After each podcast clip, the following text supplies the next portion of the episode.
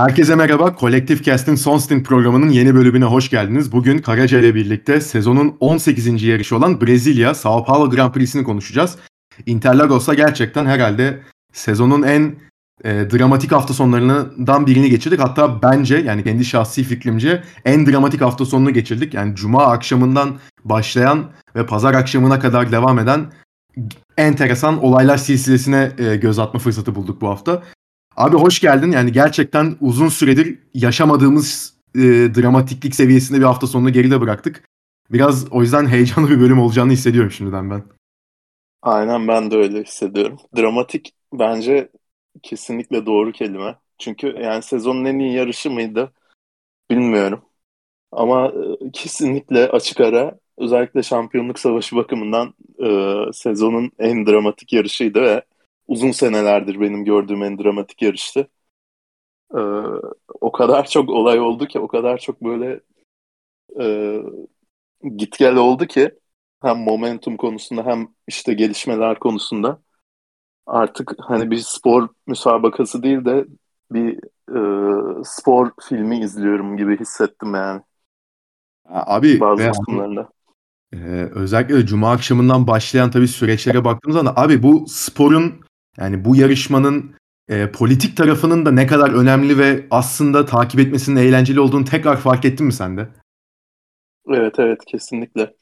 Yani zaten bu seneki e, yarış sırasındaki hafta sonu sırasındaki Michael Massey ile olan telsiz e, konuşmalarında da e, bunu görüp bayağı zevke geliyorum ben.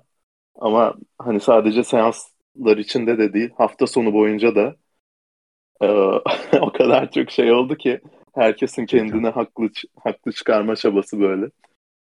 Ya gerçekten ve hani dediğim gibi cuma gününden zaten e, olaylar başladı ve zaten istiyorsan direkt oradan başlayalım. Şimdi bu hafta sonu tabii herkesin de bildiği gibi e, Brezilya'da sezonun son sprint hafta sonu gerçekleştirildi. E, buna bağlı olarak da tabii cuma akşamı ya daha doğrusu Avrupa saatiyle e, bahsediyorum tabii. E, cum Cuma gün içi yapıldı e, Brezilya'da ama ben burada akşam diye, diye belirteceğim hep. Çünkü hani Avrupa'da, Türkiye'de, e, Almanya'da yaşıyoruz. E, Cuma akşamı sıralama turları gerçekleştirildi. Cumartesi günü yapılacak sprint yarışı için ve e, biz tabi Meksika Grand Prix'si e, bölümünü çekerken hatta bölüm sırasında ben sana söylemiştim. Lewis Hamilton e, yeni bir ICE takacak. Ay konuşamadım. ICE e, ünitesi takacak ve e, bununla beraber 5 sıralık bir grid cezası alacak yarışta diye. Nitekim Cuma günü zaten ilk antrenman turları sırasında e, bu açıklandı Mercedes tarafından. Tabii bu yeni motorun takılmasıyla biz ilk antrenman turlarında Hamilton'ın performansına biraz e, göz atmaya çalıştık. Red Bull'lar hızlı gibi gözüküyordu e, antrenman turlarında ama sona doğru Hamilton gaza basmaya başladı ve ilk antrenman turlarını zaten Hamilton çok rahat bir şekilde önde bitirdi ve sıralama turları öncesinde bir akıllarda açıkçası soru işareti e, bıraktı. Yani normalde Red Bull'un rakımdan dolayı daha e, güçlü olması beklenen bir pistti. 2019'da en son yarış yapılmıştı. Burada Verstappen bir galibiyete ulaşmıştı. Hamilton iki kere geçmişti pist üstünde. E, o yüzden hani Verstappen'in elinin daha kuvvetli olması bekleniyordu ama yani sıralama turları sonucunda Lewis Hamilton zaten Q3'te 0.6'ya yakın bir farkla e, en hızlı turu atan isim oldu ve sprinte en önden e, başlama hakkını kazandı. Verstappen 2, Bottas 3, Perez de 4. bitirmişti. Gazli 5. bitirdi. Burada hani Gazli yine arabanın e, suyunu sıktı diyebiliriz. Yine %120'sini aldı ama ya herhalde hafta sonunun e, daha doğrusu Hamilton'ın bu hızı e, cuma akşamı yapılan sıralama turlarından başlamış olabilir diyebiliriz değil mi? Evet. Ondan daha çok ben şu an e, şeye şaşırdım abi. Bütün bunları anlatırken, çok güzel bir şekilde anlatırken bir defa bile sıralamanın sonucu sonucunda pole pozisyonu aldı e, kafa karışıklığını yaşamadın. Sıralamanın en hızlısı olup sprintte önde başlayacak dedin. Bu yüzden helal olsun yani. Teşekkür ederim. Ee, ben sıralama turlarını bütün seans olarak izleyemedim aslında. Ee, tekrardan izlemeye çalıştım ve e, işte YouTube'daki 6 dakikalık videoyu izledim. E, İngiltere'ye uçmuştum çünkü Cuma günü ve e, genelde esporttan izliyorum ama burada mevcut değilmiş. Bunu da öğrenmiş bulundum. O yüzden e, ben sadece sonuçlara bakabiliyorum. e, genel o kısa özette gördüğüm kadarıyla. E, sana bırakıyorum o yüzden sözü daha çok sıralamada. Yani, yani Hamilton'ın performansını gördüm ve inanamadım. Ee, hani internette şey Formula 1 sitesinde Reddit'te falan baktığımda ne, ne oluyoruz dedim. Ee, evet. onun dışında yani sana bırakıyorum. Abi yani sıralamada senin dediğin gibi hani ben de seyrederken şimdi Q3'te ilk turlar atıldı. 0.5 saniye fark vardı. Dedim ne oluyor yani hani Verstappen mi kötü tur attı? Hani Hamilton mı çok iyi tur attı bilmiyorum ama sonra hani ikinci e, turlarda zaten e, gridin çoğunluğu e, geliştiremedi e, ilk attıkları turlar turdaki zamanlarını ama Hamilton onu da geliştirerek 0.6'ya yaklaştırdı farkı ve hani özellikle de Reddit'e tabii ben bakıyordum o sırada bir panik havası oluştu. Hani ne oluyor diye çünkü ya evet yeni bir e, motor ünitesi taktı Hamilton ama şimdi ya bir yarışta evet e, Meksika'da e, 2.2 kilometre yaklaşık e, deniz seviyesinden yükseklik pissin ama e, yani Red Bull'un orada hızlı olması tabii ki daha doğaldı. E, hava koşulları sebebiyle bunu geçen bölümde zaten açıklamıştık ama yani mesela bir önceki yarışı Amerika'yı düşündüğümüzde Verstappen e, neredeyse 0.3 ile almıştı poli Hamilton'a karşı ve hani Mercedes'in daha güçlü olması beklendiği bir e, pistti. Yani şimdi burada evet Red Bull'un biraz daha avantajı olabilir ama Hamilton da bu pisti çok iyi tanıyor, çok seviyor. Ee, zaten idolü Ayrton Senna olduğu için özel bir bağı da var kendisinin. Ekstra bir performans gösterebilir diye düşünüyorduk ama ya bir anda cebinden 0.6'lık bir fark çıkarması yani sadece motor ünitesiyle açıklanabilir mi bunu bilmiyoruz. Ee, bunu zaten bölümün ilerleyen kısımlarında da özellikle de yarışta sana soracağım tekrar ama yani şimdi sıralamadan sonra, sıralama turlarından sonra esas aslında bu hafta sonunun e, dramatikleşmesine yol açan e, bir konu yaşandı. Şimdi cuma akşamı e, ben evdeydim sanırım galiba. Evet e, arkadaşıma gittim pardon. E, normal oturuyoruz yemek yiyoruz yani bir şey de yapmıyoruz. Bir anda telefonda hani e, Formula 1'in resmi app'inden bir bildirim gördüm. Hani Hamilton e, DRS e, ayarlarındaki sorun sebebiyle ifadeye çağrıldı diye dedim. Herhalde bir DRS mekanizmasında sıkıntı var. Çok şey yapmadım. Sonra dedim bir bakayım yani ne oluyor. Twitter'a bir girdim zaten Formula 1 hesapları çıldırmış durumda. Ve e, anlatılan şimdi onun da teknik açıklaması olarak şunu e, söyleyelim. Bu DRS kanadı açıldığı zaman FIA kitapçığında belli bir e, limiti var bunun. 86 milimetre, milimetre e, açıklığında olması gerekiyor kanadın. Ve hani kanadın her tarafında bu e, yüksekliğin yani bu açıklığın sabit kalması gerekiyor. Bunu da test etmek için takımların şöyle bir mekanizması var. 86 milimetre 10 milimetrelik bir e, topları var. Bir e, çubuğun ucuna takılmış şekilde. Bunu e, takımlar DRS kanadını yani daha doğrusu kanadı açıp DRS açıkken bu topu e, kanadın her tarafına sokuyorlar. Eğer o top sıkışıyorsa kanadın her tarafında regülasyonlar içinde. Ama top e, kanadın herhangi bir yerinden geçiyorsa yani tek bir yerinden geçmesi yeterli bunun için. E, bu kanadın illegal olduğunu ve DRS mekanizmasının kurallar e, dahilinde olmadığı anlamına geliyor. Ve e, bununla alakalı e, çağrıldı komisyonerler kuruluna Mercedes ve Hamilton tarafı. Ve açıkçası ben o gece iki buçuğa kadar bekledim. Bir karar çıkacak mı? Ha çıktı, ha çıktı, çıkmadı. İşte Hamilton içeri girdi, Hamilton dışarı çıktı. Yok Mercedes şunu yaptı, Red Bull şunu yaptı derken zaten saat 2'de e, Max Verstappen'in de sabah çağrılacağı e, komisyonerler kuruluna e, açık, açıklandı. Onun da sebebi şu sıralama turları sonrasında Max Verstappen gidip e, arka kanadını elliyor Hamilton'ın. E, kendi kanadıyla kıyaslamak için.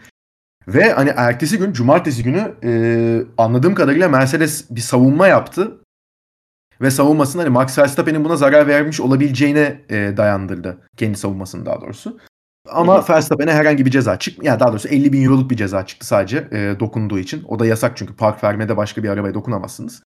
Hamilton da e, sıralamadan diskalifiye edildi ve e, sprinte en son sıradan e, başlayacağı açıklandı. Yani sen de bunları takip ederken şimdi biraz lafı uzattım ama yani işin böyle her saniye gittikçe daha çok e, streslendiğini, ortamın daha çok gerildiğini hissettin mi? Yani ve bununla alakalı tabii başka bir soru da bu sence hani Mercedes cephesinden baktığımız zaman bilinçli yapılmış bir şey mi yoksa yani araçların da Brezilya'ya bir 3-4 gün geç geldiğini gördük biz Meksika'dan.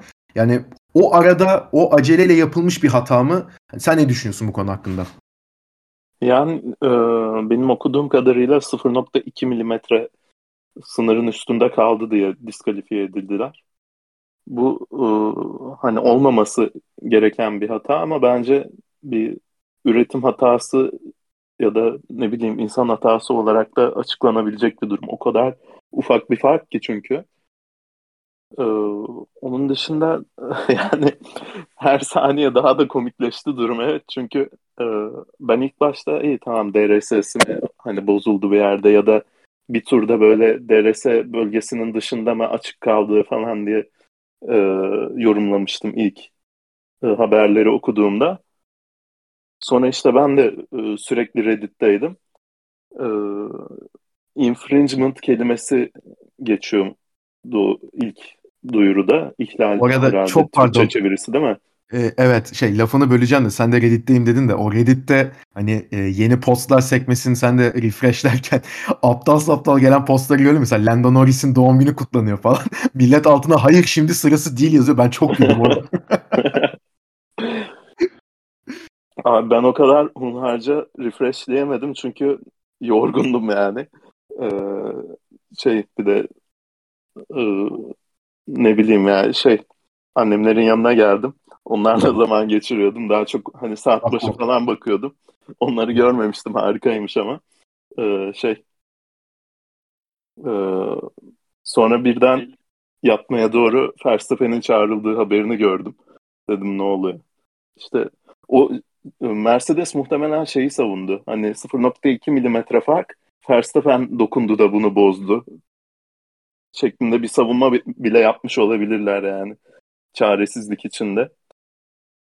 Ee, Verstappen'e ceza çıkması da hani eyvallah kurallarda yasak. Park vermede başka bir takımın aracına dokunmak da Fettel yani, yani son 3-4 senedir sürekli yapıyordu. Hatta demin bir video izledim. Biri derlemesine yapmış e, bir buçuk dakikalık video deyip duruyor ve toplam işte alacağı cezayı hesaplamış. 500 bin euro ceza alması lazım diyor.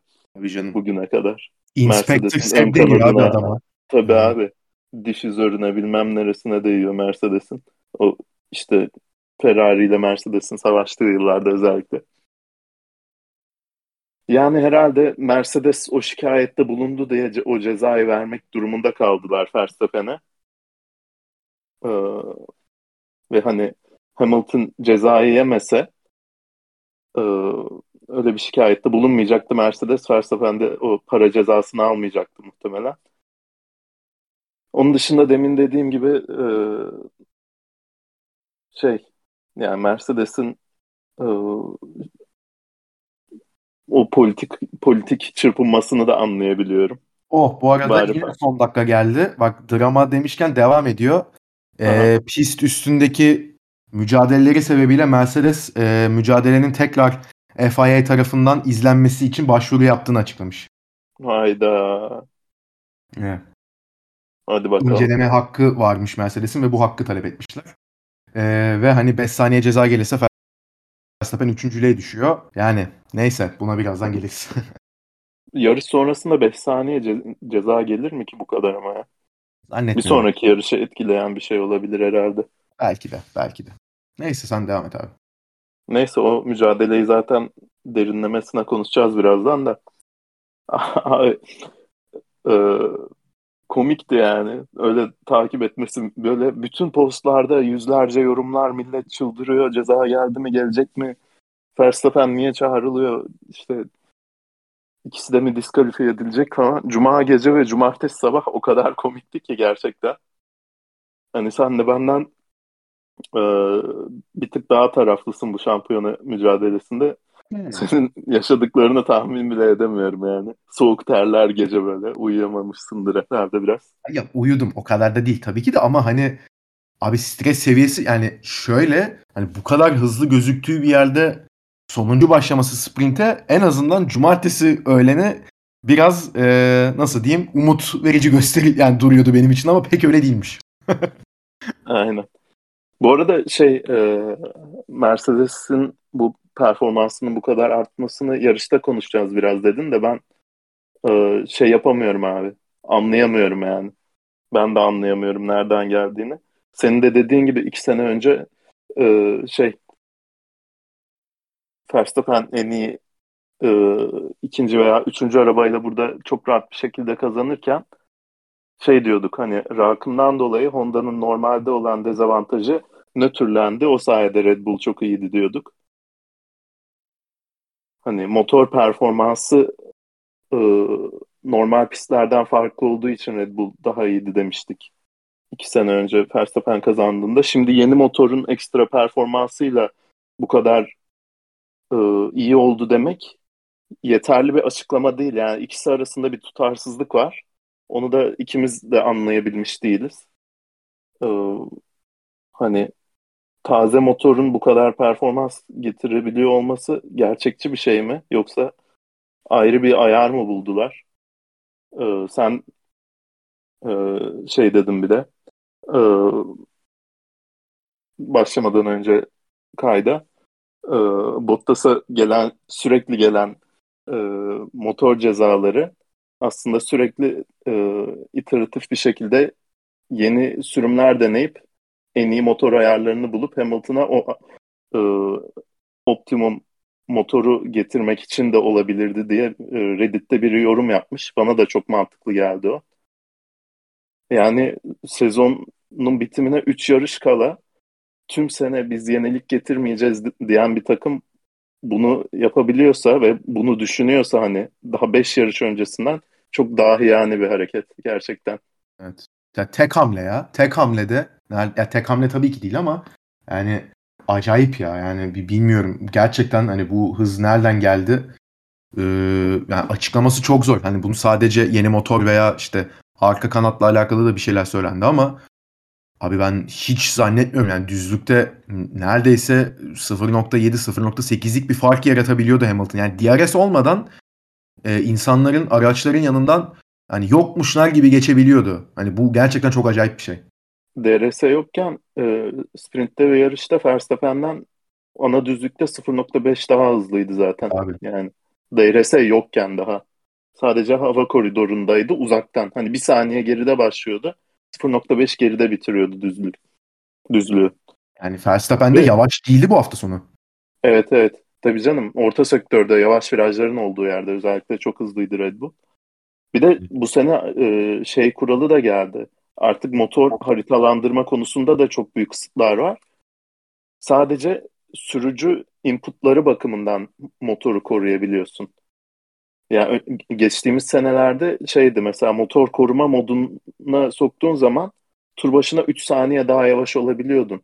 Hani bu Brezilya'daki hızını maksimum modda çok uzun süre kullandılar. O yüzden böyle ekstra hızlıydılar diye açıklayabilirdik önceki sezonlarda ama e, bu sene gelen haritalandırma kısıtlamalarından dolayı da böyle bir şey de mümkün değil.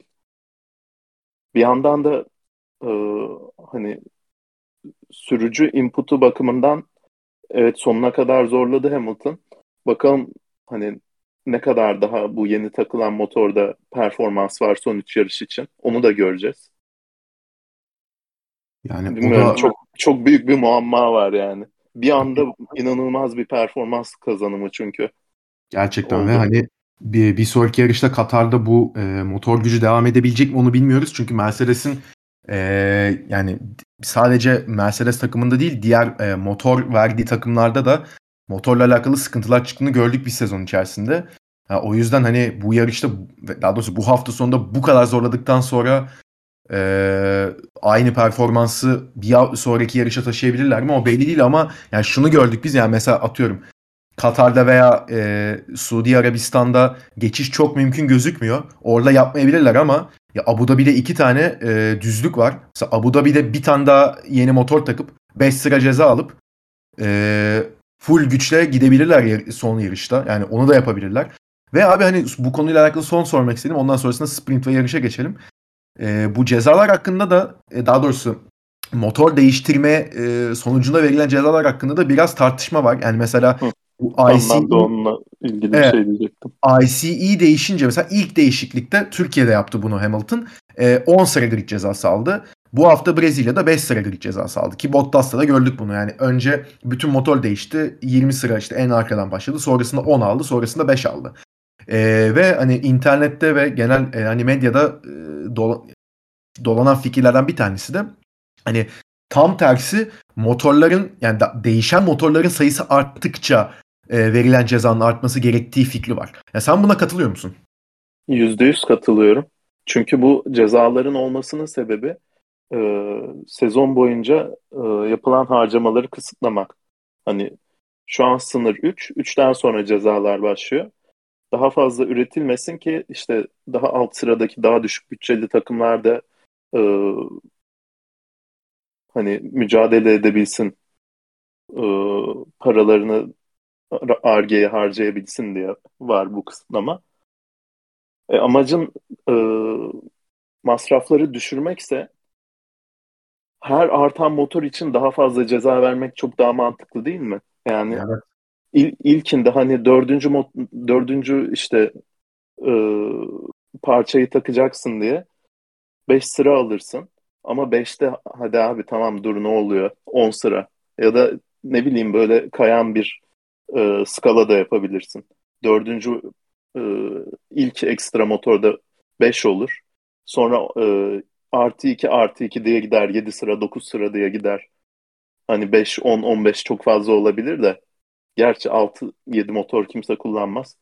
Ya bilmiyorum 5, 10, 15 diye bile gidebilir aslında. Evet. Ama 10, 5, 5, 5 diye gitmesi çok saçma. O dördüncü motor taktıktan sonra hiçbir dezavantajın kalmıyor yani. Zaten önündekileri geçebiliyorsun öyle bir durumda bir de. Aynen. Hani yani. dört motor takacağın belliyse erkenden dört, dördüncü motorun cezasını alırsın ya da dördüncü parçanın. Motorda değil çünkü güç ünitesi diye geçiyor. Altı ayrı parçadan oluşuyor güç ünitesi. Ee, şey dördüncü parçayı takarsın. Ee, hani yettiremeyeceğin belliyse üç parçayı. E sonra beşi altı da altıyı da takarsın. Mercedes'in şimdi yaptığı gibi hani geçiş yapabileceğinden çok emin olduğu pistlerde e, sadece 5 sıra ceza alıyorsun. Ee, ya bence işin asıl mantığına bu kuralların, bu cezaların e, konulmasına ters olan bir ceza sistemi var. O yüzden yüzde yüz katılıyorum ben. Yani evet o tabii çok daha farklı bir tartışma konusu söylediğimiz gibi ama hani belki de e, önümüzdeki sezonlarda bu e, kuralın da değişeceğini göreceğiz tabii bunu bilmiyoruz. Şimdi bundan sonrasında tabii bu kadar e, dramanın ve hani pist dışı e, politika olayların üstüne demin de bahsettiğim gibi e, Lewis Hamilton sprinte sonuncu sıradan e, başladı ve hani 24 turluk bir sprint yarışı biz seyrettik. Tabii burada hani e, sprint yarışında e, hangi sürücülerin hangi e, lastiği kullanacaklarıyla biraz tabii soru işaretleri barındırıyordu. Biz e, Red Bull'ların yani 1 ve 3 başladı Verstappen ve e, Checo. E, Red Bull'ların orta hamurla başladığını gördük. Bottas e, yumuşak lastikle başladı. Hamilton en arkadan orta hamurla başladı. Yani grid aslında böyle yarı yarıya neredeyse dağılmış gibiydi orta ve e, yumuşak hamurlar arasında ki mesela biz Ferrari'lerin de yumuşak lastikle başladığını gördük. Çok da iş çıkardılar açıkçası. Ve e, bu, tabii, bu hemen unutmadan söyleyeceğim. Sen bu şeyi yapmadan. Sprintle ilgili bir numaralı beğendiğim şey buydu bu sprint yarışında. Evet. Yani evet. lastikleri öyle bir ayarlamaları lazım ki sprint formatı seneye de böyle devam edecekse 6 hafta sonunda olacak çünkü önümüzdeki sene. Öyle bir lastikleri ayarlamaları lazım ki böyle e, yarı yarıya takımların bölüşmesi e, yumuşak ve orta hamur arasında bence çok iyi oldu. Çok değişik hani stratejinin pit stop'un olmadığı bir yarışta işe strateji boyutunu kattı. Bence o bakımdan e, bayağı şanslılardı. En azından bir değişiklik gördük ve zaten biz hani bu e, lastik farkını zaten direkt startta gördük. Hani Bottas yumuşak lastiklerle çok daha rahat bir kalkış gerçekleştirebildi Verstappen'e göre ve daha zaten ilk virajda direkt e, liderliği aldı. Hakeza e, Carlos Sainz da inanılmaz bir kalkış gerçekleştirdi e, sprint başında ve e, kendisini bir anda 3. sıraya atmış bulundu. Sergio Perez de orada e, 4. sıraya düşmüş oldu. Hani açıkçası Red Bull'un pek istediği gibi bir başlangıç olmadı zaten. Biz tabii e, sprintte genel olarak e, hani Verstappen Bottas'ı kovaladı 24 tur boyunca çok da yaklaştı. Son 3-4 tur hatta e, DRS mesafesindeydi ama e, risk almak istemedi muhtemelen. E, tam onu bilmiyoruz. Bir de hani sonuçta yarışta ikinci de başlasa Bottas birinci başlayacak zaten. Hani yarış başında geçmesi e, daha olası gibiydi Verstappen'in. Tabii hani birinci bitirse sprinti 3 puan alacaktı. 2 puan almak yerine. O bir puanların hı hı. ne kadar daha e, avantajlı ve önemli olduğunu tabii görüyoruz bu şampiyonada ama hani yarış dışı kalma riskini hani ilk virajda özellikle içeri dalıp bir hamle yapmak yerine en azından ikinci başlayayım, iki puanımı alayım. E, yarış başında da ben Bottas'ı avlayayım şeklinde düşünmüş olabileceğini düşünüyorum ben Verstappen'in ki zaten çok da zorlamadığını gördük biz. E, bence, bir... bence öyle olmadı ya. Bilmiyorum. Bence yani. zorladı yani DRS'sine girmeye çalıştı. E, son 3 turdan önce de bir bölümde 3-4 tur DRS'sindeydi ama Mercedes düzlükte o kadar hızlıydı ki yani e, geçiş hamlesi deneyecek kadar yaklaşamadı bile. Zaten hani e, zorlamıyor, zorlamıyor olsa yarın ikinci başlayayım startta geçerim diye düşünse muhtemelen 2-3 yani e, bir buçuk saniye mesafede falan kaldı DRS'de değilken. Eğer zorlamayayım diye düşünse bence 3-4 saniye geriye düşer. Hani e, motor hararet yapmasın diye arkadan takip ederdi. E tabi bir de e, artı bir puan da var burada. E, birinci başlasa pol pozisyonunu alsa asıl yarış için bir puan da alırdı. Hani e, şey mücadelesi gibi değildi bu. Altıncılık, yedincilik mücadelesi gibi değil. Sadece yarışa bir sıra önden başlama uğruna e, savaşmıyor. Artı bir puan için de savaşıyorlar. E, en hızlı tur için bile Mercedes'le Red Bull'un bu sene neler yaptığını görüyoruz. Bence denedi ama e, geçemeyeceğini anladı. Daha hızlı daha hızlı araba Verstappen'deydi Bottas'tan. Ama e, virajlı kısımda orta sektörde çok hızlıydı Red Bull. E, düzlükte e, hani daha hızlı araba olmasına rağmen bütün turda düzlükte yaklaşamıyordu. O yüzden geçemedi. Bence tüm yarış denedi aslında ama olmadı yani. Yani evet. O, ona da açıkçası yani katılırım dediğine. Biz Sergio Perez'in çok zorladığını gördük Carlos Sainz'ı. O bir puanı almak için ve yarış üçüncü başlayabilmek için ama e, Sezar'ın hakkı Sezar'a Carlos Sainz'da inanılmaz bir e, savunma gerçekleştirdi ki Ferrari'ler e, zaten hafta sonu boyunca bence e, en iyi üçüncü araba olduklarını zaten kanıtladılar. Hani e, Leclerc e, Norris'in arkasında 7. bitirdi ama onda da hani bir lastik e, farkı vardı zaten Lando'ya göre. E, yani sonuç olarak Bottas 1, Verstappen 2, Carlos Sainz 3 ve Perez 4. bitirdi. Şimdi burada tabii e, bir yaklaşık 5 dakika önce Lewis Hamilton'ın e, 20. başladığından bahsetmiştim sprint yarışına. Kendisi bir ruh hastası olduğu için 24 tur sonucunda 20. başladığı sprint yarışını 5. bitirdi e, orta lastiklerle. İnanılmaz. Ve herhalde bir e, abi yani ondan tabii ki çok emin olamıyorum ama yani şöyle 20.8 saniye arkasında bitirdi Valtteri Bottas'ın. Carlos Sainz'ın 2 e, saniye gerisindeydi. Perez'in de 1 e, saniye gerisindeydi. Çok büyük ihtimalle e, bu sprint yarışı 24 değil 26 tur olsaydı e, Hamilton bence çok rahat bir şekilde e, 3. bitirecekti bu yarışı. Yani inanılmaz bir performans. Zaten buradan e, Hamilton'ın hafta sonu dominasyonu evet sıralamalarda biz e, ne kadar hızlı olduğunu görmüştük ama ya pist üstünde pist üstünde gözünü kararttığında etrafından tamamen hani o zone out denir ya kendisi o arabanın içinde yalnız kalıp full e, konsantre olduğunda neler yapabileceğini altındaki arabayla beraber e, gösterdiğini gördük biz Hamilton'ın. Ya gerçekten inanılmazdı zaten. Hani yarış performansı çok ayrı evet ama ya sprintte bence 24 turda 15 arabayı geçmesi ve kendisini 5.liğe atması ve dediğim gibi 2-3 tur daha olsaydı 3. bitirecekti çok büyük ihtimalle. Ya, inanılmazdı. Ya arada böyle sürücüler e, şeyden bahseder. Hani artık her şeyin tamamen sezgisel olduğundan ve hani trans halinde sürdüklerinden bahsederler. Böyle her şeyin çok iyi gittiği sıralarda. Bence sprint yarışı sırasında transtaydı yani Hamilton. İnanılmaz bir performans abi. Yani Leclerc'i geçti. Ee, sanırım 4-5 tur falan vardı sprintin tamamlanmasına ve önünde Norris'le arada e, 3-4 saniye fark vardı.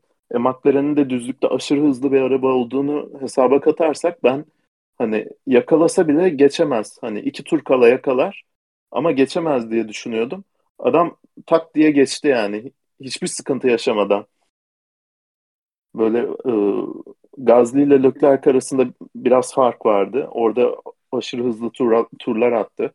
Öndeki Perez'den, Sainz'dan bir buçuk saniye falan daha hızlı turlar atıyordu. Bottas'tan böyle e, nokta yedi falan daha hızlı turlar atıyordu o önü boşken. Bence de ya iki tur daha olsa e, üçüncü bitirirdi muhtemelen sprinti. Yani, İnanılmaz yani... bir performans ve yaptığı geçişler e, şey de değil hani agresif geçişler ama risk almadan agresif. Yani tam textbook yani evet. tecrübe tecrübe fışkırıyordu yani. Kesinlikle kesinlikle yani hiç e, geçtiği pilotların hiçbir tanesinden e, ne bir şikayet geldi hani ne bir pist üstünde agresiflik gördük herhangi bir pilottan hani adam her şeyi o kadar yani mükemmeldi. Yani muhteşem değil mükemmel denir ya o da hakikaten mükemmeldi sprintte. Aynen öyle. Bir Ricardo'nun arkasında biraz takılı kaldı. Orada bir zorlanır gibi oldu. DRS treni vardı orada da ama. Evet DRS treni ve işte McLaren'in düzlük hızı.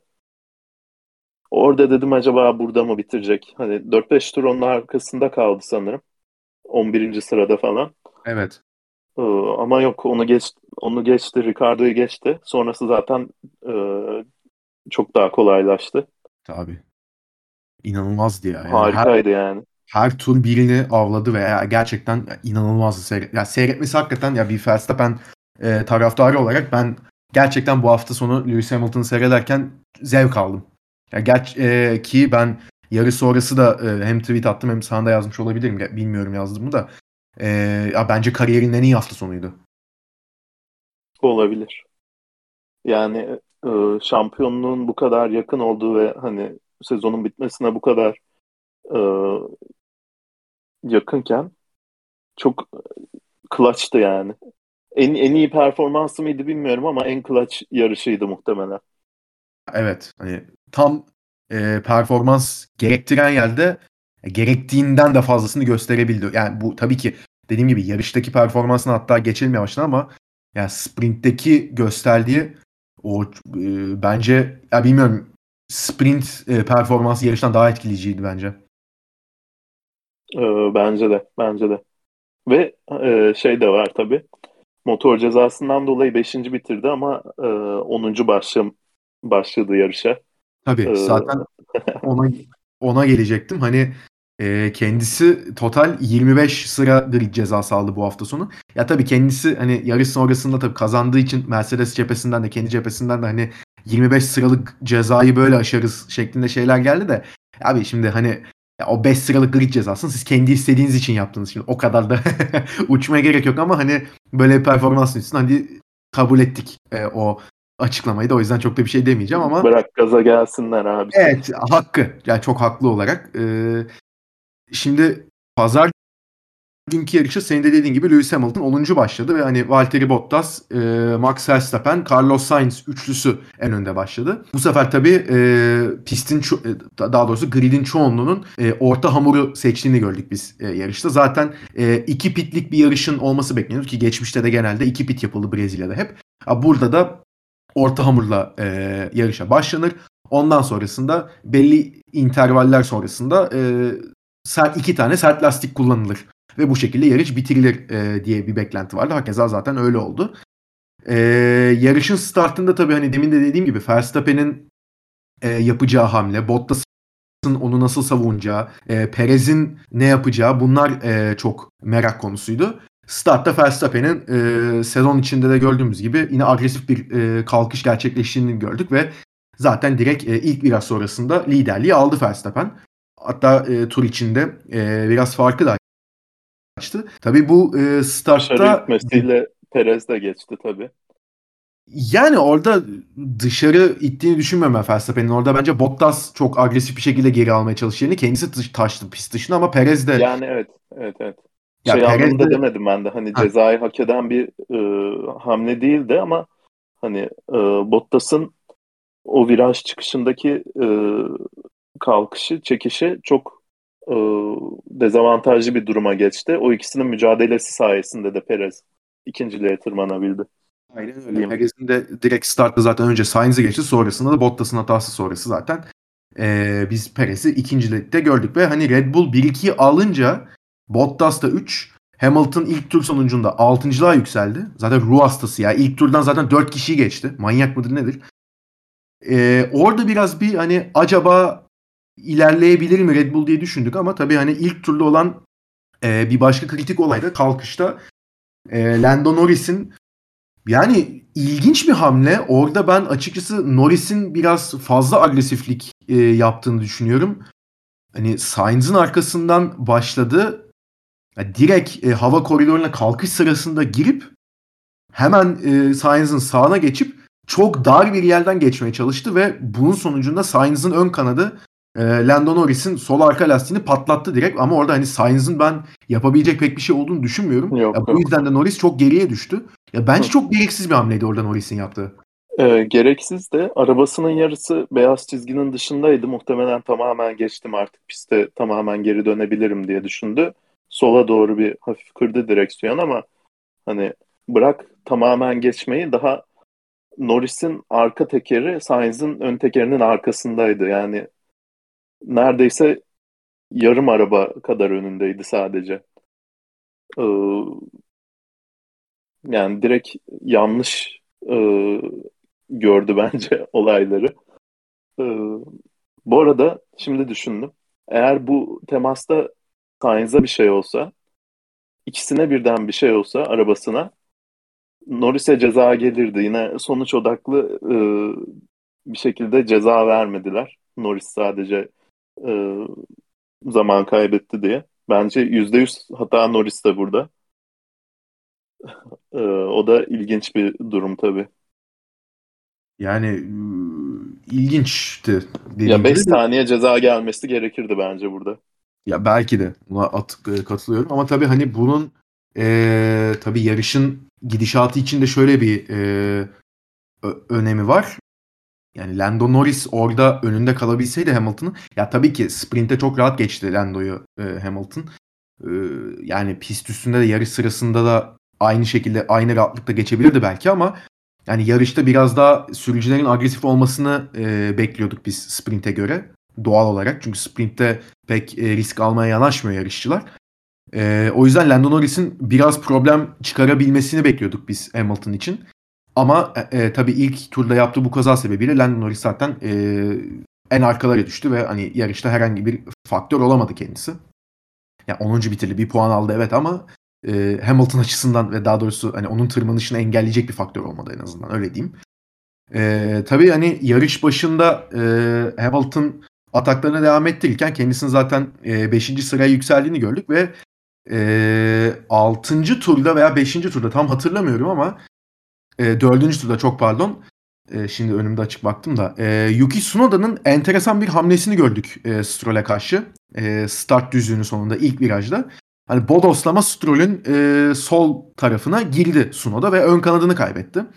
Ve pist üstünde e, kanat parçaları kaldı. Bir, bu arada yaklaşık bir 3 turda e, bu parçalar pist üstündeyken yarış devam etti. O da bir ilginç. Saçmalık ya. Saçmalık yani kimsenin e, o last e, o parçaların üstünden geçmemesi ve hani lastiğini patlatmaması veya e, arabasına bir şekilde zarar vermemesi gerçekten büyük şans. Ya yani öyle bir durumda hani Yarış çizgisinin üstünde ve hani böyle yarım metre dışında o kadar çok parça vardı ki.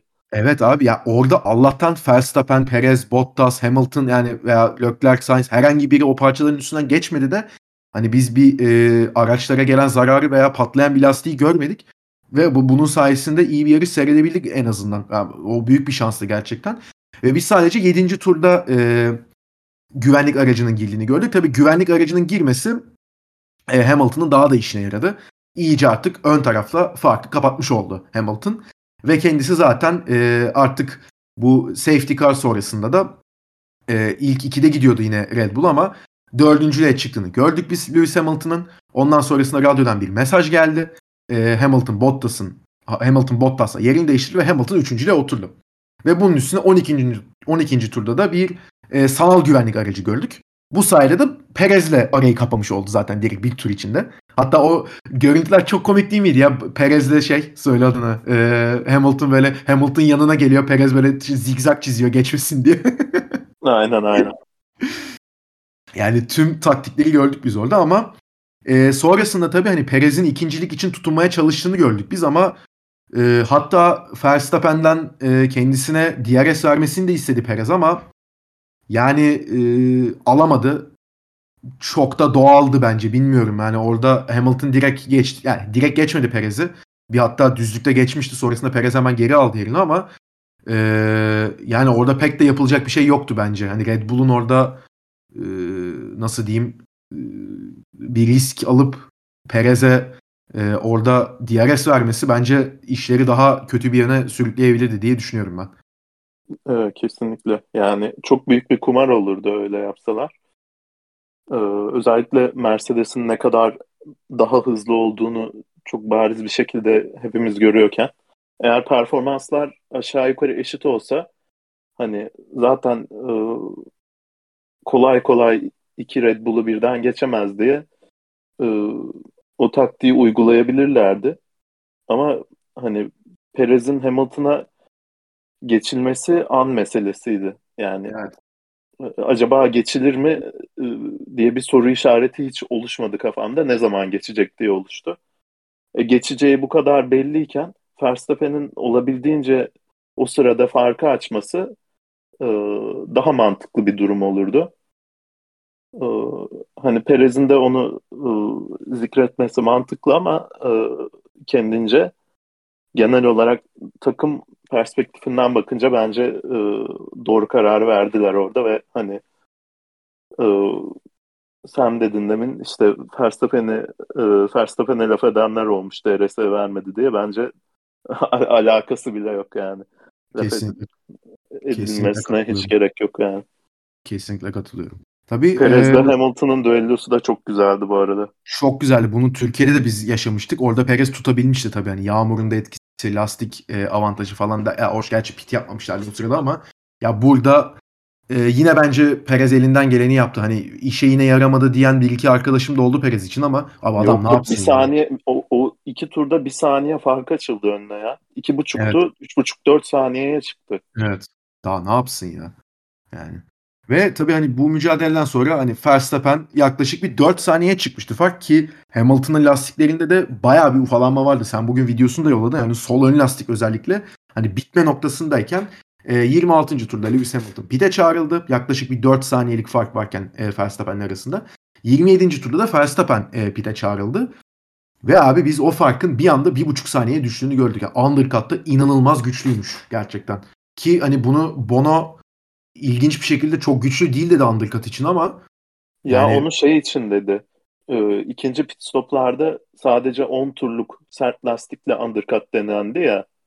Orada Peki. zaten hani çok eskimemişti lastikler. O yüzden o sırada undercut'ın kuvvetli olmaması mantıklıydı da o kadar hani parça parça e, orta hamur lastikler kopuyorken ilk pit stoplardan önce undercut'ın iki buçuk saniyelik bir avantaj yaratması çok doğal bence. Ya, o gerçekten çok acayipti ve hani orada zaten e, pist üstü mücadele artık başladı. Hani Hamilton yavaş yavaş e, gelmeye başladı şeyin e, Verstappen'in üstüne. Bu sırada tabii bir ikinci e, Perez üçüncü gidiyordu ama yeni bir sanal güvenlik aracı girdiğini gördük biz e, bu pitlerin sonrasında tabii ve bu e, sanal güvenlik aracından yararlanan Bottas da kendisini e, Perez'in önüne atmış olabildi pist üstünde. Ve e, iki tane Mercedes'in biz e, öndeki Verstappen'e baskı uygulayacağını artık zaten e, görmeye başladık pist üstünde. Bottas da fena bir tempoda gitmiyordu. Perez'in pek arkadan e, yetişecek hızının olmadığı da aşikardı açıkçası. E, Hamilton da artık e, zaten tempoyu arttırdıktan sonra iyice Verstappen'e yaklaştı. E, DRS mesafesine de girdi. Ama e, ilk stintte açıkçası pek e, hamle yapma fırsatı olmadı Hamilton'ın. Sonrasında biz ikinci pitleri gördük. Daha doğrusu bu e, dediğim tabii sanal güvenlik aracı ikinci pitte oldu 41. turda ama e, 40. turda Verstappen'in girdiğini gördük. Lewis Hamilton da 43. turda girdi. Şimdi biz burada açıkçası yani ben kendim için konuşayım daha doğrusu. 3 e, turluk daha yeni lastiklerin e, çok büyük bir avantaj olmayacağını e, Mercedes'in stinti uzatıp e, daha böyle 50. turların ortasında hatta sonlarına doğru orta hamura geçip daha rahat bir e, stratejiyle kazanabileceğini düşünüyorduk ama e, yani Hamilton öyle bir performans gösterdi ki zaten e, bize pek e, yani biz burada Red Bull sanki daha e, görülmeyeni gördü gibi düşünüyorduk başta ama e, zaten pitler sonrasında Hamilton'ın nasıl gaza bastığını gördük. Ve 47. turda artık Hamilton iyice zorlamaya başladı. Yani 0.3 ka- e, kadar gerisine gelebildi Verstappen'in ve 48. turda e, o malum olay da yaşandı. Şimdi 48. turda ikinci düzlükte Hamilton DRS'i açtı. Verstappen'in önüne geçti. Ama viraja girerken Verstappen içeriden çok agresif bir şekilde daldı ve iki aracın da biz dışarıya taştığını gördük. Ve e, bu olay sonrasında Mercedes cephesinden de zaten hani yarış sırasında yarış sonrasında da zaten e, bölüm sırasında da söyledim. Şimdi yeni bir itiraz da geldi. E, bayağı bir e, sıkıntılı açıklamalarla geldi. Hani e, nasıl ceza gelmiyor şeklinde. Red Bull cephesi de Michael Massey'e e, telsizden bırak yarışsınlar dedi. E, Michael Massey de buna katıldığını belirtti. İlginç bir şekilde. Yani bunu dedikten sonra şimdi tekrar bir ceza gelir mi? pek zannetmiyorum. Hele bu kadar kritik bir dönemeçe girilmişken e, artık son 3 yarış kalmışken ama e, istiyorsan biraz da bu e, pist üstü mücadeleden bahsedelim. Çünkü ben de yani ilk bir iki görüntüden e, çok cezalık bir hareket olmadığını düşündüm ama en son helikopter kamerasından hani iki e, pilotu ön taraftan çeken kameradan izledikten sonra ö, e, benim düşüncem de değişti. Bence cezalık bir hareketti ki sene içinde özellikle Avusturya'da e, FIA'nın verdiği cezaları hatırlıyoruz Lando Norris'e ve Perez'e. Yani burada bence Verstappen maalesef haksızdı ve e, bir 5 saniye ceza alması gerekiyordu ama yani sence niye bu e, cezayı vermeme kararını verdi FIA ve Michael Masi tabii? Ona girmeden önce bana şey çok komik geldi yarış sırasında. Red Bull'un daha ortada hiçbir şey yokken e, işte bırak yarışsınlar diye Michael Massey ile konuşması şeyi andırdı abi bana. Böyle ceza sahası içinde futbolda biri faal yapar hiçbir şey yok diye elini kaldırır. Aslında suçlu olduğunda daha çok yapar ya futbolcular, evet. futbolcular bunu. Tabii. o, o, onun gibi yani bence Verstappen'in hatalı olduğunu anlayıp hemen savunmaya geçtiler gerek yokken. Bence de e, ceza gelmesi gerekiyordu. E, yani şey ceza gelmemesinin e, sebeplerinden biri şey olabilir. E, o sırada işte Verstappen'in onboard'u tam virajın ortasında arkayı gösteren kameraya dönmüş ve e, onboard kameralardan sadece biri e, görüntüsü paylaşılabiliyormuş. O kameranın kapasitesi yetmiyormuş. Hani bandwidth'i yetmiyormuş. Ee, kelimenin Türkçe karşılığını da bilmiyorum tamam ama e, ben de bilmiyorum. Ya öyle olması çok saçma bu arada. Yani e, hakemler de e, ön kamerayı görmeden ona göre bir karar vermek durumunda kalmışlar. Daha sonrasında e, işte e, salı günü çekiyoruz bölümü daha yeni yeni ön kameradan gelen görüntüleri görebiliyoruz. Onun da sebebi şeymiş daha sonrasında hani kayıtlara bakıp tekrar e, görüp üstüne paylaştılar ön kameranın neyi gösterdiğini. E, yani ön kameraya da bakınca e, Verstappen'in virajın ortasında direksiyonu açtığını göremiyoruz o bakımdan hani sağa kırmıyor ya da e, dönüş açısını azaltmıyor. Ama daha önemli bir şey var burada. İkisi de e, aşağı yukarı aynı sırada frenlemeye başlıyor. E, ve frenlemede eşit gibiler. Hatta Hamilton çok ufak bir farkla önde. Ama özellikle İtalya yarışında da konuşmuştuk. İçerideki sürücü azıcık bile burnunu öne soktuğunda e, virajı dikte etme hakkına sahip oluyor mevcut kurallarda ve e, dışarıya itmesi makul karşılanabiliyor. E, Verstappen tamamen bunu düşünerek e, bence frenden ayağını olması gerektiğinden çok daha erken çekti. O sayede e, arabası işte bir teker farkıyla e, öne geçti ve virajı dikte edebildi. Ama bunu yaparken kendi de pistten taştı. Eğer kendisi pist içinde kalmış olsaydı evet, çok aşırı agresif bir hamle olacaktı. Ee, benim de çok hoşuma gitmeyen bir durumu hani e, direkt dışarıdaki sürücüyü dışarıya etmek, pist dışına itmek. Ama e, mevcut kurallarda e, kabul edilebilir bir durum olacaktı. Ama kendisi de burada pistten taştı ve hani ciddi bir şekilde taştı. Hani böyle yarım metre de değil, bayağı 5 metre falan dışarı taştı. Hiçbir şekilde bence virajı alma gibi bir amacı yoktu. Tamamen o işte teker farkını alayım ki dışarı itmem makul olabilsin düşüncesiyle yaptı onu. Viraj hiçbir şekilde umurunda değildi. Ee, ve yani çok net cezaydı bence bu. Agaca lütfen daha... ceza gelmesin ama artık ya. Abi ya, yarış bitti yapmasınlar ya. Yok şimdi e, şimdi gelmez bence yarış bittikten sonra. Yani başvurmuş Mercedes ama ya ben de pek ya, zannetmiyorum abi çok olay çıkar. Yarış sonucuna etkileyen bir ceza gelmez. Grid cezası gelebilir, bir çeşit uyarı gelebilir. Penalty işte ceza puanı gelebilir. Bence yarış sonucuna etkileyen işte 5 saniye ceza gibi bir şey gelmez şu an. Ee, çıkar. Olay çıkar yani. Aynen. Yani iki gün olmuş yarış biteli. Evet. Ee, bence ama hani e, bu saydığım sebepler olabilir. Hani kamera görüntüsüne erişememeleri vesaire olabilir. Ama bence bir numaralı sebep abi, burada hafif komplo teorisi yapacağım.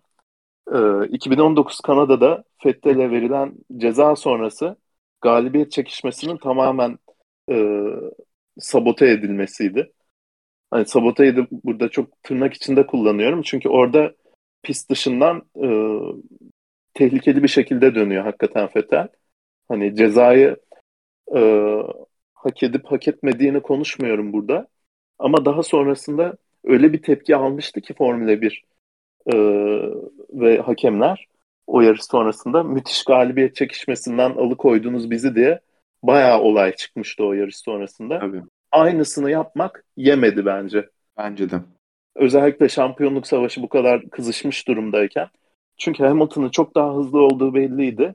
Verstappen orada 5 saniye ceza alsa 20 tur tın tın arka arkaya gideceklerdi. Hamilton hiç risk almayacaktı. Zaten daha hızlı araba olduğu belli.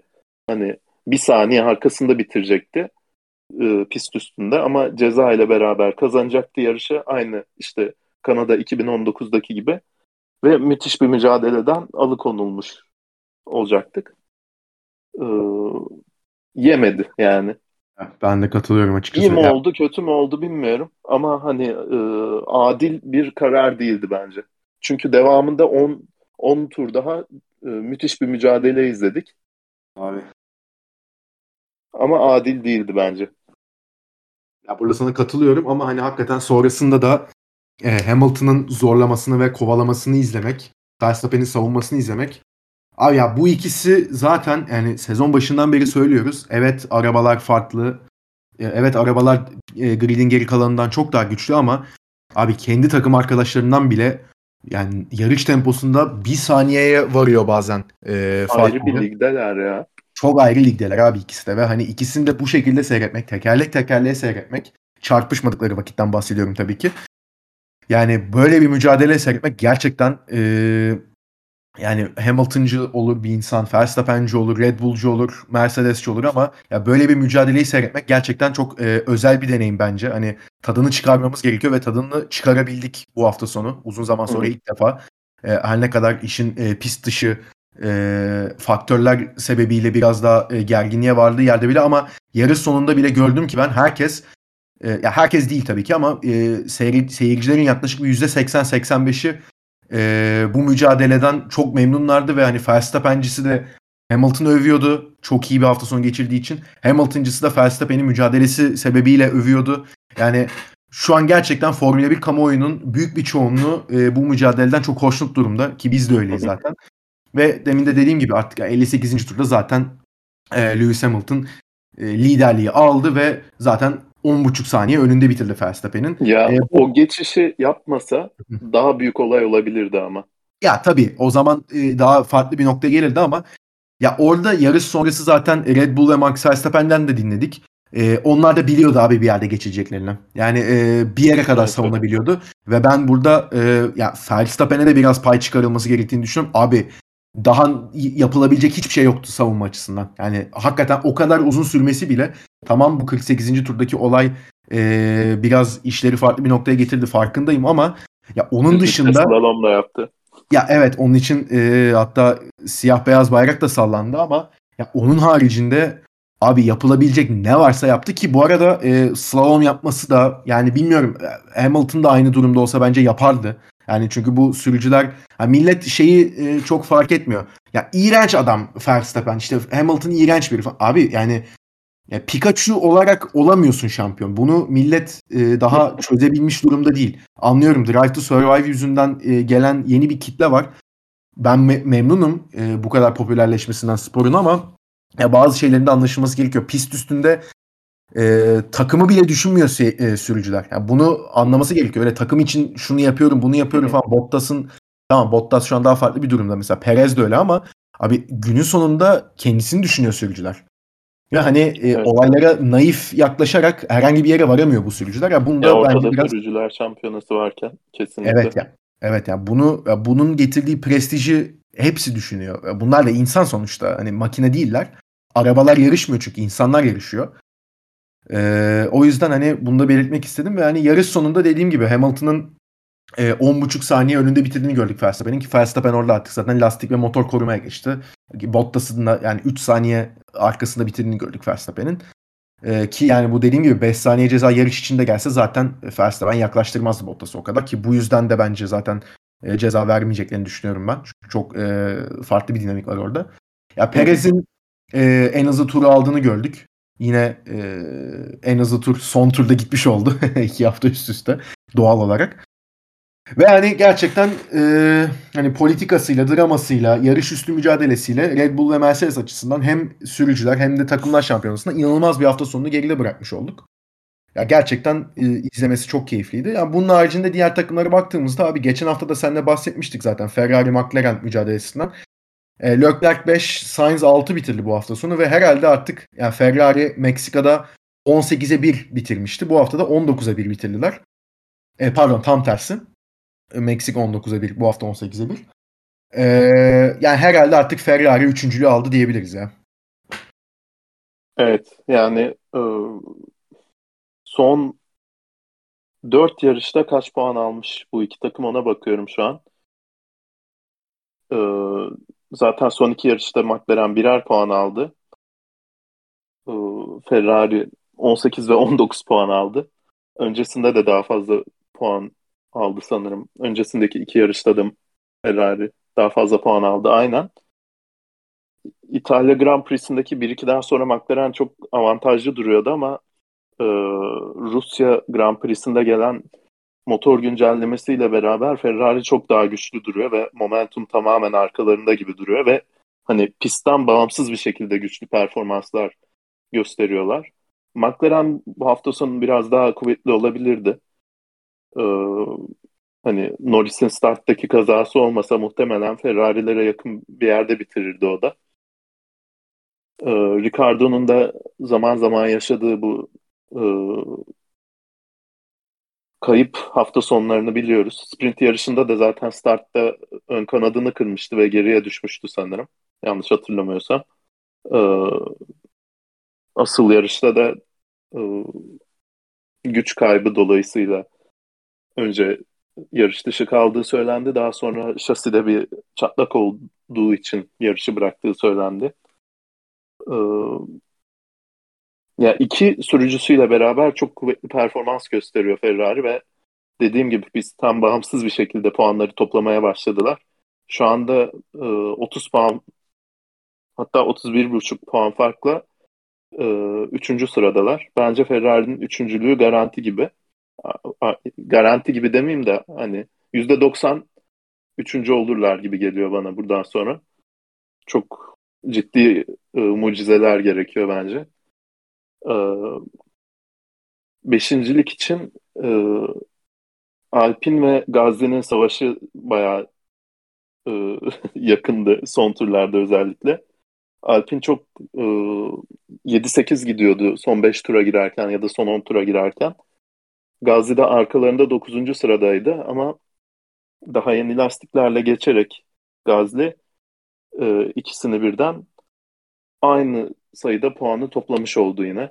Abi sen ee, şeyi seyretmiştin değil mi? Yani Matrix serisini seyretmişsindir herhalde. Yok izlemedim. Yapma be. Aa, Vallahi erteleyip duruyorum izlemem lazım. Ha, oradan bir örnek verecek mi? Peki o zaman başka bir örnek vereyim. Şeyi hatırlıyor musun? Bir tane İrlandalı adam e, İstanbul'da Sultanahmet'te mi ne üstüne bütün sokak saldırıyor. Hep eski, eski boksörmüş. Hepsini indiriyordu. O videoyu hatırlıyor musun? Aynen aynen. Ya Gazli şu an benim gözümde e, o pozisyonda. Yani tek başına hani 3-4 takımla falan ve hani kaç tane sürücüyle boğuşuyor adam ve bo- ya boğuşuyor. Yani inanılmaz yani. Ya Sunoda da bo- boğuştuklarından biri artık öyle bir raddeye Abi, geldi.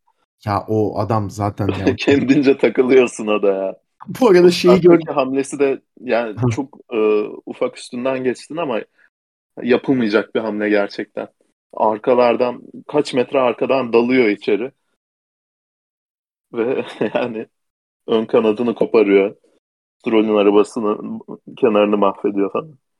Kamikaze dalışı tam. O hamle zaten. E, Japon olduğu için kamikazeye alışık olabilir tabii ama bu biraz sert oldu da. Neyse. Hayda. e, ya bir de bu arada şeyi gördüm. yarış sonrası e, röportaj yapılmış. Abi e, önce Sunoda'yla şey röportaj yapılıyor. O yüzden mikrofon bayağı aşağı indirilmiş. Abi Sunoda'dan sonra da e, grid'in en uzun ikinci ismi Ocon gelmiş röportaja. Da eğilmiş böyle öyle konuşmuş ya mikrofonu. Allah'ım ya. Röportajı yapan kadın zaten öyle bir fotoğrafını çekmişler ki kadının yani gülmekten ağzı yüzü kaymış çok haklı olarak. Abi çok Hadi komik. yani gerçekten komik bir görüntü olmuş ama hani Gazli konusuna dönecek olursak yani gerçekten abi çok farklı ya bilmiyorum yani hani seneye tabii Alfa Tauri nasıl bir araç yapar? Hani e, yani Red Bull'dan iyi bir araç olacağını asla düşünmüyorum tabii ki ama hani yakın bir araç olsa bile hani e, düzenli bir şekilde podyum savaşı verebilen bir arabaya oturursa Gazli bize neler göstereceğini gerçekten çok merak ediyorum. Bu Ferrari konusunda da abi yani iki pilot da yani tabii bu sene öyle. Hani birinci pilotları yok diye biz konuşmuştuk ama ya ikisi de ya ben yani bence çok iyi sürücüler tabii ki. Hani e, onda zaten herhangi bir tartışma yok ama yani bu kadar iki iyi sürücünün e, pist üstünde böyle bir harmoniyle yarışması da benim açıkçası hoşuma gidiyor. Zaten hani Sainz'ın getirdiği pozitif havadan biz bahsediyorduk daha öncesinde ama yani pist üstünde ikisinin karşı karşıya geldi ki ikisi de birbirini çok zorlayan sürücüler ama mesela yarış sonrası da 5-6 bitirdikten sonra ikisi araçtan çıkınca sarılıyorlar birbirlerine. Yani evet. e, bu arkadaşlar mı bilmiyorum. Ya olabilirler. Olmalarına gerek de yok ama ya bence mesela Sainz'ın Lando ile olan ilişkisi çok ön plandaydı. Hani ikisi de e, komiklerdi. Abi kardeş gibilerdi ama e, Leclerc Sainz birlikteliği e, çok daha e, sonuç odaklı ve çok daha uyumlu gözüküyor benim gözümde şu an. Ya Leclerc'i Sainz'ın karakteri aşırı iyi derecede zapt etmiş durumda şu an bence. Çünkü Vettel zamanında özellikle yavaş yavaş e, Ferrari'nin takım olarak Leclerc'in arkasına geçmesiyle Leclerc iyice e, şımarık hareketler yapmaya başlamıştı ve ciddi toksik bir ortam oluşmaya başlamıştı. Onu tamamen dizginlemiş durumda. Yarış içinde Sainz'ın e, öyle çok e, büyük de olmasa stratejik avantajı vardı. Leclerc'e yol vermesini istediler Sainz'ın geçmesi için e, öndeki Gazli'yi geçebilir belki diye. Geçemeyince de önde 7-8 saniye fark oluşturmasına rağmen Sainz e, yavaşladı ve e, pozisyonu geri verdi Leclerc'e. Hani orada hani tamam geçtim ama net daha hızlıyım ben deyip geçmeyebilirdi de. E, yarış sonunda da zaten Leclerc'in bu pozisyon Sainz'in pozisyonu geri vermesine e, duyduğu takdiri duyduk duyduğu takdiri duyduk deyince de bir değişik oldu.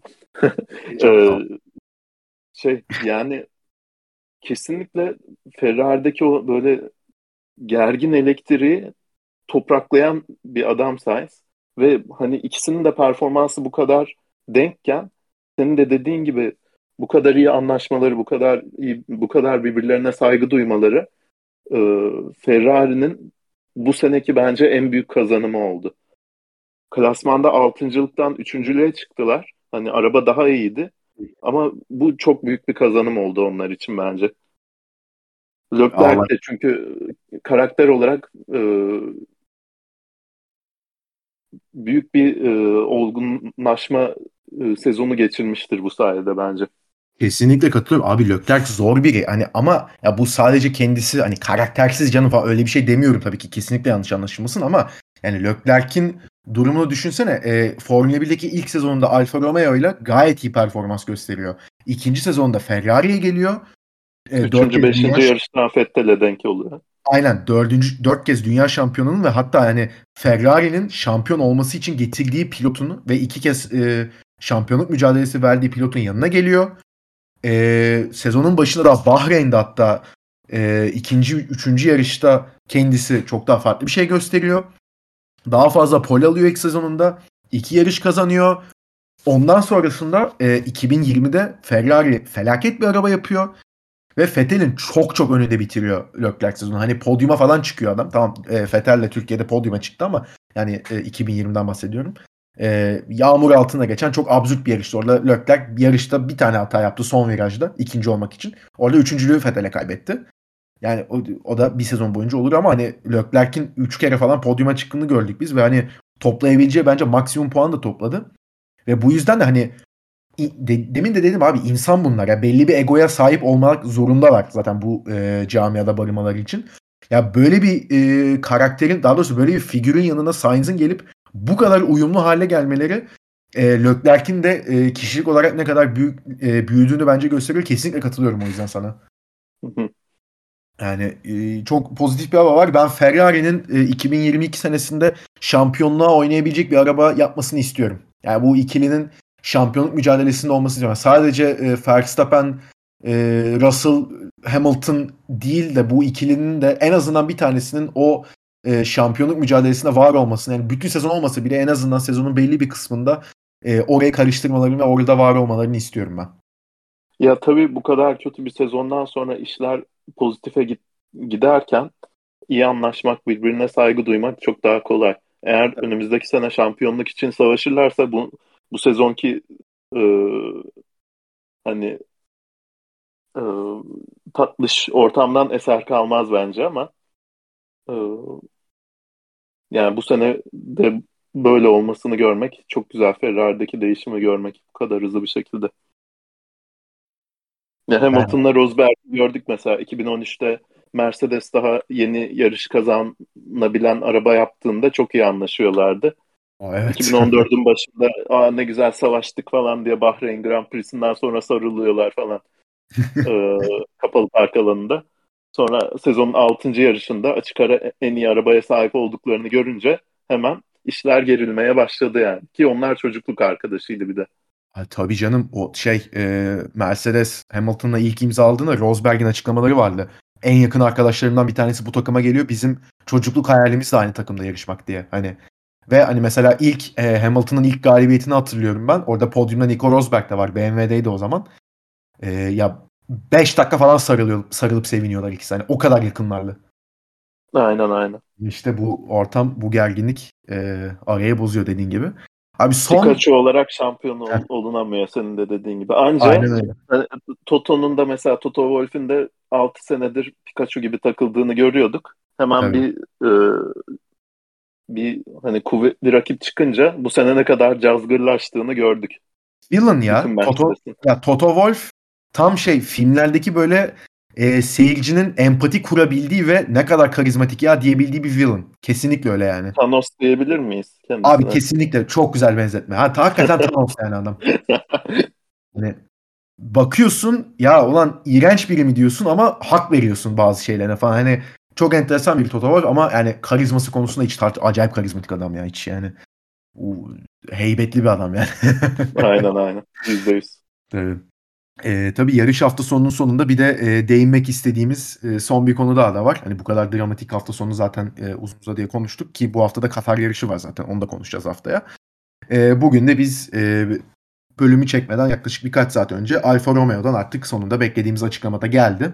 e, griddeki son e, boş koltukta doldu. E, Antonio Giovinazzi ile yola devam etmeyeceğini açıkladı e, Alfa Romeo cephesi ki zaten pek e, şaşırdığımız bir gelişme olmadı ve e, şimdi Jo diye okunduğunu tahmin ediyorum Çinli pilotun isminin. E, o seneye e, Valtteri Bottas'ın takım arkadaşı olacak e, Alfa Romeo'da ki kendisinden zaten daha önce de bahsetmiştik. Hani 30 milyon dolarlık bir e, yatırımla geleceğinden bahsediliyor kendisinin. Bu Alfa Romeo için e, değerli. Hani e, yeni bir araba e, üretiminde özellikle hani Bottas gibi yarış galibiyetleri olan ne olursa olsun şampiyonluk mücadelesi vermiş bir kişiyi oturtacaklar sonuçta arabaya. Ya en azından e, düzenli olarak puan alabilen yani e, birkaç yarışta bir de hani podyumu zorlayabilecek performans gösterebilen bir araba yapmak isteyeceklerini düşünüyorum ben Alfa Romeo'nun. Tabii ki herkes bunu ister ama ellerinde şu an buna uygun bir bütçede oluşmaya başladı. Ee, evet, Çin'den satınca... gelecek deli merch gelirleri de olur bu arada. Tabii. Aynen öyle. O, yani bu 30 milyon dolar sadece başlangıç bütçesi o yüzden. Hani e, senin dediğine ta- tamamen katılıyorum. Ya burada tabii hani e, birkaç tane başka ismin e, hakkının yendiği çok konuşuldu. İşte Oscar Piastri'den çok baş, e, bahsedildi ki kendisi de seneye Alpine'in e, test sürücüsü olacağı e, belli oldu bugün. Yani Piastri'nin hakkı yendi diye çok konuşuldu ki Joe ile aynı takımda yarışıyorlar. Piastri e, 30 puanlık bir farkla önünde şu an şu anın. E, Callum Aylett Formula 2'de. Aynen. Ya Callum Aylett ismi hani kendisi de bir post atmış Instagram'a ama yani Aylett ya zaten öyle pek e, para getirebilecek biri değil ve hani e, kabul etmemiz gerekiyor ki Formula 1 gerçeği de biraz e, maddi anlamda desteklenen biri olman gerekiyor e, bu spora girmen için. Burada Mazepin'den bahsetmiyorum sadece. Hani Stroll'ünden Norris'ine, Leclerc'ine bu isimlerin hepsi e, zengin ailelerden gelen ve e, nasıl diyeyim hani belli başka e, ortaklıkları ve gelirleri olan kişiler. Hani Mick Schumacher zaten hani Schumacher'in Mike, e, Michael Schumacher'in oğlu olduğu için e, çok sempatik bakılıyor kendisine ama yani kendisinin nasıl bir e, formla geldiğini, Alman e, Almanya'dan nasıl bir destek aldığını zaten görüyoruz. Ya o yüzden Joel seçimini ben e, realistik görüyorum ama yani nasıl bir sürüş gerçekleştirecek açıkçası ben de sen mesela geçen sene falan takip ediyordun e, Formula 2'yi. Ben hiçbir fikrim yok kendisi hakkında. ya Aylot da 2020'de Joel'un takım arkadaşıydı ve çok net bir şekilde önünde bitirdi yine. Ya iki senedir takım arkadaşının gerisinde bitiriyor Formula 2'yi. Hani arada yarış kazanıyor. 2020'de ee, 6. bitirmiş. Bu sene de ilk 3'te miydi? Hatırlamıyorum tamam. Tamam ama hani e, çok aşırı kötü değil performansları. Ama takım arkadaşına yeniliyorsan e, Formula 1'e çıkma e, hak etmiyorsun demektir yani performansa bakıldığında sadece. Aylot düşünülüyordu işte. Bu sene ben çok ciddi düşünüldüğünü zannetmiyorum. Geçen sene işte son yarışa kaldı, son ayağa kaldı şampiyonluk mücadelesi Mick Schumacher ile Aylot arasında. O sırada e, Alfa Romeo için düşünülüyordu. Geçen bu sene içinde koltuğu kapamayınca bence penceresi kapandı Formula 1 için. Gerçekçi bir anlamda. E, daha çok işte Piastri olabilirdi diyorsun mesela ama Piastri de Alpin Akademisi'nin sürücüsü. E, Alpine'in para ödemesi gerekiyordu muhtemelen Alfa Romeo'ya o koltuğu alabilmesi için. Piastri'den daha önemli şey var. E, nedir adı? Theo Pourchaire var. Direkt Sauber Akademisi'nde. Direkt kendi akademisinde bir ismini sürücü. O, onun da kişi oydu benim. E, onun da şey sanırım süper lisans puanı yetmiyor önümüzdeki sezon Formula 1'de yarışmak için. Ee, ama hani bir sene daha bekleyip Giovinazzi'yi bir sene daha bekletip sonra Purşer'i tamamen e, hani rezerve edebilirlerdi 2023 için ikinci koltuğu Bottas'ın yanında. Onu da yapmayı tercih etmediler. Çünkü yani ben bu e, Joe'nun gelişinin uzun yıllar sürecek bir kontrat olduğunu düşünüyorum. Tek senelik hani diğer sürücü gelene kadar e, böyle süper yedek olarak aldıklarını düşünmüyorum bir senelik. Ee, hani kendi sürücülerini de biraz e, Formula 1 hayalini e, hayaline köstek oldular. Ee, öte yandan da senin dediğin gibi 30 milyon artı işte Çin piyasasını Formula 1'e getirmek, o işte e, merch gelirleri falan çok önemli gerçekten. Ama Bottas için muhtemelen aşırı rahat bir sezon olacak. Yani Hamilton'ın takım arkadaşı olduktan sonra 5 sezon. Değil mi? E, böyle şey hani e, futbolcuların emekli olmadan e, önce 3 sene Katar'da gidip oynaması gibi bir şey olacak herhalde. Hani Bottas'ın performansı düştüğünden değil de hiçbir baskı olmayacak üstünde. Çok rahat bence e, daha iyi performans gösterecektir. Zaten alışması da e, rahat birkaç birkaç yarış sürecektir. İkinciymiş bu arada Joe bu sene. Piastri de e, lider. Formula işte 2'de. falan fark var. 36 puanla önde, öndeymiş Piastri. Şu Aynen. an önümde. Net şampiyon olacak gibi duruyor. Evet. Ee, bu arada Piastri'nin yedek olması da e, Alpine için önümüzdeki sezon şöyle bir şey demek. E, Formula 2 şampiyonu olunca bir daha yarışamıyorsun Formula 2'de. Muhtemelen e, rekabetçi bir seride yarışmayacak full time önümüzdeki sezon şampiyon olursa bu durumda. Ona da biraz yazık. Ki geçen seneyi de Formula 3 şampiyonu olarak mı bitirmişti? Sanırım öyle Aynen. bitirmişti. Aynen. Formula 3 ve Formula 2'yi üst üste kazanmak baya böyle göz açan bir başarıdır. Ama koltuksuz kalacak önümüzdeki sezon. Ama onu bence 2023'te alırlar ya. Belki de Alonso yerine onu getirecekler hani Gazli olması falan. Alonso bıraktığı anda geleceği kesin de Alonso bırakı şu an hiç bırakacak gibi durmuyor bana yani. Alonso Alonso 50 yaşına kadar yarışsa şaşırır mısın? Ee, şaşırmam. Özellikle yani. böyle e, takımın momentumu iyiye gidiyorsa bırakmaz yani. Ha bir de bırakması için bir sebep de yok ya abi. Adamın performans düşüklüğü yok ki yaş sebebiyle. Aynen öyle. Ay abi Hamilton ya Hamilton'da falan da öyle olacak muhtemelen ya. Böyle 58 yaşında adam 20. şampiyonluğunu falan olacak. Olabilir. yani enteresan bir yere gidecek. Bakalım. Ya, yani e, bununla beraber de zaten açıkçası konularımızın da sonuna geldik. Abi, bu hafta da Katar var. Yani e, son 3 yarış e, herhangi bir bilgimizin olmadığı pistlerde. Yani son yarış evet Abu Dhabi'de ama orada da pistte çok büyük değişiklikler gerçekleştirildi ve e, geçişin e, geçişin çok daha rahat yapılabileceği bir e, layout yapıldı. O yüzden hani onunla alakalı da pek bir veri e, yok elimizde. Yani son 3 yarış hakkında hadi böyle bu soruyu sorup bitireyim yayını. Son 3 yarış hakkında bana bir tahmin yap. Yapamam. Ee, ama Yap çok işte. böyle şey oturduğum yerden tahmin olarak şunu diyebilirim. Ee, Katar'da en sert hamur lastiklerin götürüleceği açıklandı. Bu bence Red Bull'a yarayacak bir durum. Lastik ısıtma konusunda daha fazla yaşayan, sorun yaşayan bir Mercedes olduğunu düşünürsek. E, pistin de e, genel özellikleri bakımından e, orta hızda viraj çok var. E, bu Red Bull'a daha fazla uyan bir e, şartlar demek. E, Red Bull daha iyi olabilir o yüzden Katar'da. Ama yani. tabii pist üstü sıcaklıklarına falan da çok bakıyor bu sezon. Suudi Arabistan'da çok fazla hızlı viraj var. Hızlı virajlarda biraz daha e, Mercedes daha iyi. Orada da e, Mercedes diyeyim hadi. Abu Dhabi hiç bilemiyorum. Yani geçen sene olsa, geçen seneki konfigürasyon olsa Red Bull derdim. Çok daha fazla yavaş viraj vardı.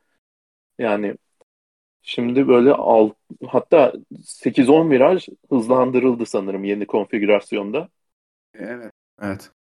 Ee, Abu Dhabi ama hala orta hızda viraj çok var. Orada da Red, Red Bull diyeyim hadi. Bir de şey diyorsun ya e, Abu Dhabi aynı kalsaydı Red Bull derdim diye. Abi aslında baktığın zaman Abu Dhabi Mercedes'in en güçlü olduğu 2-3 pistten biriydi. Geçen sene Red Bull'a döndü o da. Hani o da Max Verstappen evet. sayesinde. Yani o bile bir garipti. Yani gerçekten hani ben de mesela bir tahminde bulunabilecek oluyorsam bulunamıyorum. O ayrı da ya ben de Katar'da Verstappen, Suudi Arabistan'da Hamilton, Abu Dhabi'de kalp krizi diyorum. Yani Abu Dhabi yarışını bilmiyorum Abu Dhabi yarışını şey yani Abu Dhabi yarışını seyredebilir miyim? Kalbim dayanır mı bilmiyorum. Yani bakalım ama artık yani gerçekten efsanevi bir sezon ve son 3 yarışa da girmiş bulunuyor. Bu arada 3 yarışta sanırım Ee, yani Katar'la Suudi Arabistan sanırım gece yarışı olacak. Su, e, Evet. Abu Dhabi'de e, gün batarken yapılıyor. Yarış başlarken güneş oluyor, bittiğinde karanlık oluyor. Ee, hani pist üstü sıcaklıkları da daha düşük olacak bu pistlerde normale göre. O da çok büyük bir faktör olabilir. Kesinlikle. Özellikle hani Mercedes'in bu e, senin de bahsettiğin gibi lastik ısıtma konusunda yaşadığı sıkıntıları düşündüğümüzde. Aynen öyle. Ya ama tahmin etmek, öngörmek imkansız. Şu an oturduğum yerden boş tahmin yapıyorum yani. Ya evet abi hani çıkıp Çok yakın gidiyor. Katar'ı durduk yere Bottas falan ya ne Bottas'ı Sainz falan kazansa bile ulan Allah Allah falan hani o bile ol- olsa hani şu an şaşırmayacağım o yüzden bilmiyorum göreceğiz artık ne olacağını. Ee, dediğim gibi son 3 yarış e, hakikaten son e, yarışın son virajına gidiyor şampiyonluk. Bu hafta da Hamilton'dan izlediğimiz yani masterclass diyebiliriz artık buna. Hani mükemmel bir performanstı. Kendisine tekrar tebrik edelim bur- buradan. Ee, böylelikle de bölümümüzün sonuna geliyoruz. Abi ağzına sağlık çok teşekkürler. Senin de öyle. Ee, ben teşekkür ederim. Evet bu e, anekdotla da artık dramatik hafta sonunun sonuna geliyoruz. Bizi dinlediğiniz için çok teşekkür ederiz. Bir sonraki bölümde görüşmek üzere. Hoşçakalın.